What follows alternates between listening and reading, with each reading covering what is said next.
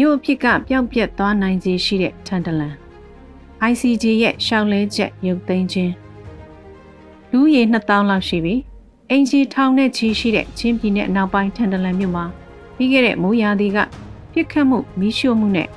ခရီးယန်ဓမ္မဆရာတယောက်ကိုစစ်တပ်ကပြစ်တက်ခဲ့ပြီးနောက်မှာမြို့နေလူထုကရက်အနှဲငယ်အတွင်းစွန့်ခွာသွားခဲ့ကြရကမြို့ပြက်လိုဖြစ်နေခဲ့တာလနဲ့ချီရှိနေပါပြီထန်တလန်မြို့ဟာ ပြည်နယ်မြို့တော်ဟာခါမြို့ကနေကားနဲ့2နာရီ3နာရီခီအကွာလောက်မှရှိပြီးချင်းပြည်နယ်ရဲ့အစစ်အဆက်ရှိခဲ့တဲ့လက်နက်ကိုင်းအဖွဲ့ CNF နယ်မြေနဲ့အနီးဆုံးမြို့တစ်မြို့လည်းဖြစ်ပါတယ်။မြို့နေလူထုမြို့ကိုစွန့်ခွာသွားကြပြီးနောက်သတင်းဘက်တွေချားပြီးမကြာခဏမီးလောင်ကျွမ်းမှုတွေဖြစ်နေလို့မြို့ရဲ့အင်ဂျီတော်တော်များများပြကြကုန်ပြီလို့ဆိုရမှာဖြစ်ပါတယ်။ခုရက်ပိုင်းမှာလည်းထန်တလန်မြို့ကလူနေအိမ်တွေ မီးထက်မှန်လောင်ကျွမ်းတယ်လို့သတင်းတွေထဲပါလာပြန်ပါတယ်။မြို့နေလူထုစွန့်ခွာသွားတဲ့ထန်တလန်မြို့ဟာ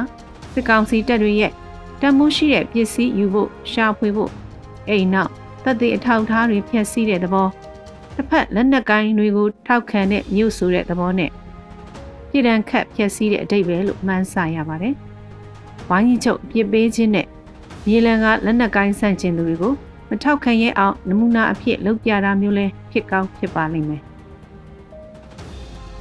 ခိုးဝင်တယ်လို့စစ်တပ်နဲ့အမျိုးသားရေးဝါဒတွေကပြောဆိုကြတဲ့ခိုင်ပြည်နယ်ကရိုဟင်ဂျာကြေးရွာတွေကိုလည်း2019ခုနှစ်တုန်းကလာဒူမီရှိုပြီးမြေပုံပေါ်မှာကြေးရွာတွေမရှိတော့အောင်လှုပ်ဆောင်ခဲ့တာသတင်းနဲ့အဖြစ်အပျက်မှတ်တမ်းတွေမှာရှိပြီးဖြစ်ပါတယ်။ဒီလိုလုံနီးလုံဟန်ဟာမြန်မာစစ်တပ်အတွက်အသစ်အဆန်းတော့မဟုတ်ဘူးလို့ဆိုရမယ်ထင်ပါတယ်။ ခုတော့ချင်းပြည်နယ်မှာထန်တလန်မြို့တွေမကမြို့နေလူထုတော်များများစွန့်ခွာတိမ်းရှောင်နေတဲ့မင်းတပ်မြို့ကိုလည်းလူလူအနေနဲ့မြို့ကိုပြန်လာမနေရင်နေအိမ်တွေသိမ်းဆဲမယ်ဆိုတဲ့သတင်းဖြန့်ဝေမှုတွေစစ်ကောင်စီဘက်ကလှုပ်ဆောင်နေတာဖြစ်ပါတယ်။ထန်တလန်မြို့နေလူဟာလက်နက်ကိုင်းပြပခရှိနေသေးတော့ပြန်လာနေထိုင်ရဲကြမှာမဟုတ်သလိုခုလိုပြန်လာရင်တော့နေထိုင်စရာနေအိမ်မရှိအောင်စစ်ကောင်စီတပ်တွေကမီးရှို့နေခြင်းကလူမဆန်တဲ့လုပ်ရက်တစ်ခုဖြစ်ပါတယ်။ဒီလုပ်ရက်တွေဟာ မိတ်နဲ့ညွှန်ကြားမှုအောက်ကစစ်တပ်လို့ဆိုခဲ့ရင်ခုလိုမီးရှို့မှုကိုတာဝန်ခံရမှာအာနာသိန်းစစ်ကောင်ဆောင်တွေပဲဖြစ်ပါတယ်လက်နက်ကင်တိုက်ပွဲတွေဖြစ်နေတဲ့တိုင်းသား area နဲ့တိုင်းဒေသကြီးတွေမှာရှိတဲ့အခြားသောမြို့ကြီးတွေမှာလည်းမြို့ကိုစွန့်ခွာသွားကြမယ်ဆိုရင်အထက်ကထန်တလန်လိုဖျက်ဆီးခံရနိုင်ခြေရှိတယ်ဆိုတော့ချင်းချောက်တဲ့သတင်းစကားလဲစစ်ကောင်စီဘက်ကပါလူတာဖြစ်ကောင်းဖြစ်နိုင်ပါတယ်။ကရားပြည်နယ်လွိုင်းကောမြို့ စကိုင်းတိုင်းကအချို့သောမြို့တွေကိုစစ်ကောင်စီစန့်ကျင်ရေးလက်နက်ကင်တပ်ဖွဲ့တွေကိုထောက်ခံအားပေးရင်တော့၎င်းမြို့ကိုစွန့်ခွာပြီးစစ်မျက်နှာအဖြစ်ဖွင့်လှစ်ကြမယ်ဆိုရင်ခုလိုကံကြမ္မာနဲ့ကြုံရနိုင်တယ်ဆိုတာမျိုးချင်းချောက်တဲ့အတိတ်ပဲလဲဖြစ်နိုင်ပါတယ်။ဒီနေ့ဖို့နောက်သတင်းတစ်ပုဒ်ကတော့နိုင်ငံတကာရာဇဝတ်မှုဆိုင်ရာခုံရုံး ICJ မှာမြန်မာနိုင်ငံအနေနဲ့2019ခုနှစ်ကရှောင်းလဲခဲ့တဲ့ရှောင်းလဲချက်ကို NUG အစိုးရဘက်ကပြန်ယုံသိမ်းဖို့ရှောက်ထားတယ်ဆိုတဲ့သတင်းပဲဖြစ်ပါတယ်။ 2019ခုနှစ်မှာရခိုင်ပြည်နယ်မြောက်ပိုင်းမှာစစ်တပ်ရဲ့ရိုဟင်ဂျာတွေပေါ်ရက်ဆက်စွာနှိမ်နင်းတပ်ဖြတ်မှုတွေအတွက်လူမျိုးတုံးတပ်ဖြတ်မှုအဖြစ်ဂမ်ဘီယာနိုင်ငံကတရလိုလုပ်ပြီး ICJ ကိုတိုင်ကြားခဲ့တဲ့အမှုကို NLD အစိုးရကမြန်မာနိုင်ငံကိုစား2019ခုနှစ်က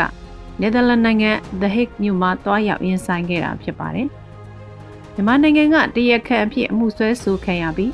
ထိုစဉ်ကဒေါအောင်ဆန်းစုကြည်ကိုယ်တိုင်တွားရောက်ရင်ဆိုင်ရှောက်လဲခဲ့တာဖြစ်ပါတယ်။ နိုင်ငံကိုဆွဲဆိုတဲ့အမှုဖြစ်တဲ့အတွက်ထိုစဉ်ကနိုင်ငံရဲ့အာဏာရှိဆုံးပုဂ္ဂိုလ်ဒေါအောင်ဆန်းစုကြည်ကသူကိုယ်တိုင်တွားရောက်ရင်ဆိုင်ခဲ့တာဖြစ်ပြီးမြန်မာနိုင်ငံအတွင်းသဘောထားကွဲလွဲမှုအချို့ရှိခဲ့သလိုနိုင်ငံတကာအတိုင်းဝိုင်းမှာအနောက်နိုင်ငံတွေအနေနဲ့ဒေါအောင်ဆန်းစုကြည်အပေါ်စိတ်ပြက်ခဲ့ကြတာဖြစ်ပါတယ်။ခုခါမှာ NUG ဆိုရအနေနဲ့အခင်ရှောင်းလဲထားတဲ့ရှောင်းလဲခုခံချက်ကိုပြန်ရုပ်သိမ်းတယ်လို့တရားရုံးကိုအသိပေးတင်ပြခဲ့ပြီး နိုင်ငံကိုစားပြုအနေနဲ့၎င်းတို့အစိုးရအနေနဲ့သာတရားရုံးကိုတက်ခွင့်ပြုမဲ့အကြောင်းလဲတင်ပြထားပါတယ်။ဒီအချက်တွေကလုံထုံလုံနည်းသတ္တမန်ရေးပရိုတိုကော အတိမဲ့ပြုခြင်းဆိုင်ရာကိစ္စရဲ့ဖြစ်တော့လဲနှစ်သားရအားဖြင့်ဆိုရရင်ရခိုင်မှာကျူးလွန်ခဲ့တာတွေဟာစစ်တပ်ခေါင်းဆောင်ရဲ့အမိန့်ပေးမှုကိုလောက်ခံစစ်တပ်နဲ့ရဲတပ်ရင်းတွေကတပ်ဖြတ်မီးရှို့မရင်းကျင့်နေအိမ်တွေမီးရှို့ခဲ့တာဖြစ်လို့စစ်တပ်ရဲ့အမိန့်ပေးသူတွေကိုသာတိုက်ရိုက်ရင်ဆိုင်စေတင်တာဖြစ်ပါတယ်။ ပရိုတိုကောအရအစိုးရတရက်အဖြစ်အတိအမှတ်ပြုမှုအရ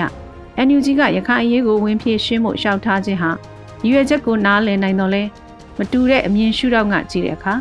မတူတဲ့သဘောထားတွေဖြစ်ပေါ်နိုင်ကြောင်းတင်ပြလိုက်ရပါတယ်ရှင်။